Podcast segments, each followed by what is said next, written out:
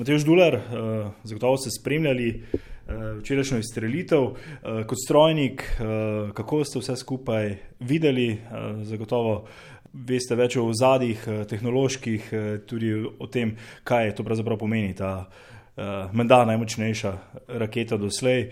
Izstrelitev sem gledal živo, ja, je bila zelo fascinantna, sploh tisti pristanek obeh, obeh booster raket. Uh, Vsekakor je to en res velik napredek, kar so naredili. Ne? Čeprav tiste ta tretja, ta tretja usrednja stopnja jim, jim ni ravno uspel. Um, zdi se mi, da vem, zakaj jim ni uspel ta, ta del ponovni užik raketnega motorja, je kar, kar komplicirana zadeva, zelo agresivna zadeva za motor. Tako da to vse skupaj tudi postavlja malo na vprašanje, ali se to zares splača, je to res tisti pravi način, kako narediti to večkratno uporabno raketo. No? Zdaj, kar se jim noter dogaja, jaz sem jih prej sem si prebral, no, da, da v bistvu so se jim od devetih motorjev so se samo tri pržgali od tiste srednje rakete. Uh, in verjetno, kaj se jim je lahko zgodilo, je to, da, da temu se reče hiter zagon teh, teh uh, turbočrpalk v raketnem motorju.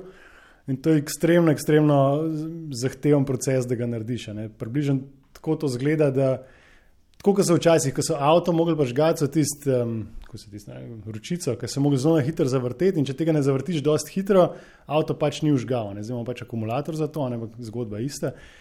Pri raketnih motorjih je pa stvar v tem, da če želiš, da, da se zažene, moraš ta hitri zagon narediti v, v ekstremno kratkem času. Ne. To zdaj jaz vem iz dela, ki smo ga imeli za Evropsko vesoljsko agencijo. Recimo, um, končna hitrost vrtenja teh, teh črpalk je tam nekaj tisoč obratov na sekundo da pa doseže to hitrost, se pravi, ta hitri zagon je pa približno v enem obratu, mora to hitrost doseči. In to je tako ekstremno komplicirana zadeva, tako agresivna zadeva, da pač včasih odpove. In zelo možno je, da se jim je to zgodilo. Kle. Uh, na Twitterju ste objavili en zanimiv izračun, malce za šalo, malce pa uh, za res, uh, nam ga morda zaupate. Ja, malo sem se pohecel, glede na to, da so izstrelili avto ne, v, v vesolje. Zdaj ta avto če, če leti do Marsa, mora imeti neko hitrost, kot 11 km na sekundo, se pravi, bo varnostna razdalja 22 km na sekundo po zakonodaji. Vprašanje je, ali se splača, ali so ceste tam sploh dosti polne, da se to grejo. Očitno je šlo res čist za, za PR zgodbo, ne, tukaj zadaj, ni bil nekega širšega ozadja. No. Vi ste tudi že omenili, sodelujete z Evropsko vesoljsko agencijo.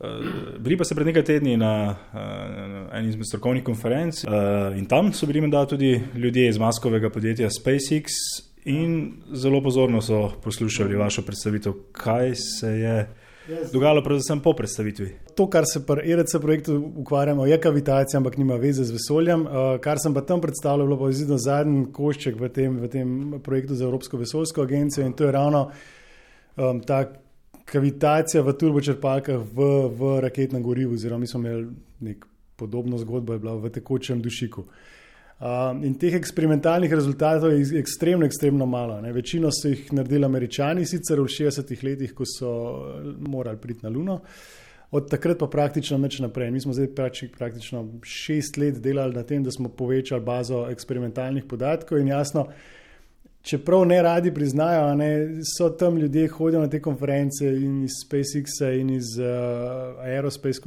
Corporation, ki sodelujejo zelo z njimi. No, In določene komponente dela, in, in, in pridejo potem do tebe, pa te pocukajo za rokav, reče, da bi lahko dobil te rezultate, pa da bo izboljšave delala. V resnici pa ne, v javnosti pa ne bojo priznala. Ne, čeprav, mislim, tudi ko predstavljajo zadevo, predstavljajo, da je vse rešeno. Ne. Zdaj, recimo, rekli so, da njihovi motori lahko delujejo tisoč sekund, to je rekord. Ne bi rekel, tisoč sekund je nekako za štir, štir take polete, kot so jih naredili. S tem, da ne upoštevajo tega, da jih morajo znotraj enega poleta, mislim, da štirikrat užgati. To je pa tisti ekstremen del, ki je res najbolj agresiven pri celi zgodbi. Ne. Kaj konkretno to pomeni? Niste poslovnež, ampak eh, vseeno.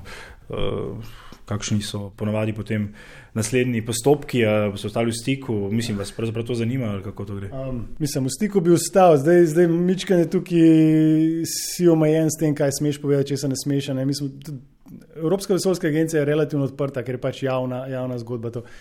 Uh, recimo, ko smo delali skupaj s francosko vesoljsko agencijo, ne, tam ne smeš niti enega podatka praktično povedati, ne, uh, ker se pač te zadeve tako skrivajo. Ne. Tudi recimo za, za stvari, ki smo jih, sem bil zraven, pa ne niti ne uradno za Ariano 6. Tisto je čist uh, zaprto, nobene informacije ne sme, dva niti slike, da si bil v istem prostoru. Um, tako da kako bo SpaceX, mislim, da, bi, da bi oni zdaj do mene prišli, zelo majhna verjetnost, pač mogoče po zelo neuradni poti, oni ti nočejo tega priznati. Ne. Po drugi strani pa tudi, če bi zdaj recimo francozi vedeli, da se pogovarjam z unimi, bi to pa spet rad lahko problema. Um, so so kar, kar zaprta družba, no. je težko do njih priti. Tako da milijonar še ne bo se kar tako hitro. Niti slučajno. Saj, saj po tej poti ne. No.